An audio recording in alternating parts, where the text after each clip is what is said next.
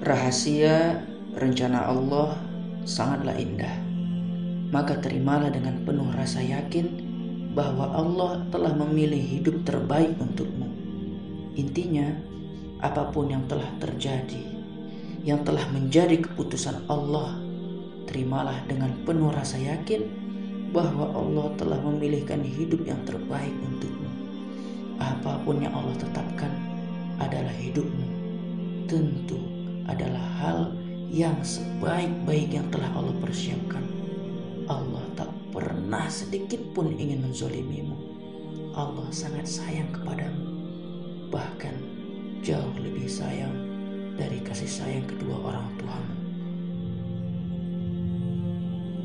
Apakah kamu seorang mukmin? Ya, tentu saja. Lantas apa ciri khasnya seorang yang mukmin itu? Betul, bersyukur manakala mendapatkan kebaikan dan nikmat, bersabar dikala mendapatkan kesulitan hidup dan musibah, serta ridho terhadap ketentuan dan kehendak Allah. Gak ada yang tahu rencana Allah seperti apa, seperti apa rencana Allah itu dalam hidup kita. Tapi yang pasti, Allah akan selalu mempersembahkan yang terbaik untuk kita.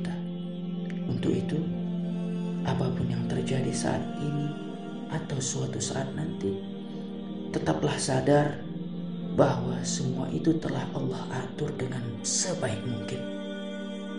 Maka, bila hal itu suatu yang buruk, berusahalah untuk jangan pernah merasa gundah atas apa pun yang terjadi. Sebab bagaimanapun semuanya sudah terjadi atas ridhonya. Menerima takdir dengan penuh rasa syukur adalah kunci kebahagiaan seorang mukmin. Aku tahu terkadang kamu bersedih. Barangkali dia belum lagi menjawab apa yang engkau inginkan. Barangkali Allah menunda pengambulan doamu. Barangkali, oh iya, engkau belum mendapatkan apa yang engkau inginkan dalam kehidupanmu. Atau mungkin engkau ditolak, lamaranmu tidak diterima. Teman, di akhir dari semua perjuangan itu ada sesuatu yang indah yang Allah persiapkan. Dan pada akhirnya kita semua pernah membaca firman Allah tentang mereka yang telah mengikrarkan keimanan mereka. Alif Lam Mim Ahasiban nas ayyutraku ayyaqulu amanna wa hum la yuftanun.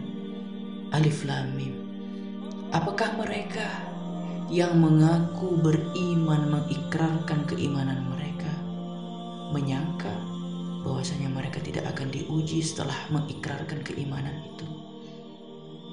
Baik, masing-masing diuji sesuai dengan kemampuannya.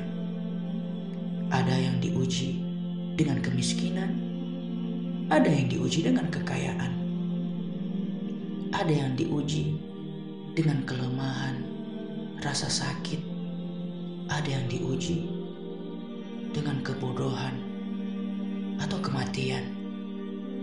Tapi yang pasti Allah tahu dari setiap ujian tersebut kita pasti mampu melaluinya. La yukallifullahu nafsan illa wus'aha. Allah tidak akan membebani hambanya di atas kemampuan hamba tersebut. Dan ingat, al-jaza min jinsil amal. Balasan pahala itu sesuai dengan beratnya ujian yang Allah timpakan kepada kita. Dan di ujung kata, mari dari detik ini kita kurangi mengeluh.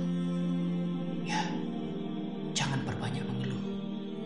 Karena keluhan terbaik pun tidak akan mampu menyelesaikan masalah. Kalaupun harus mengeluh, memelaslah di hadapan Allah.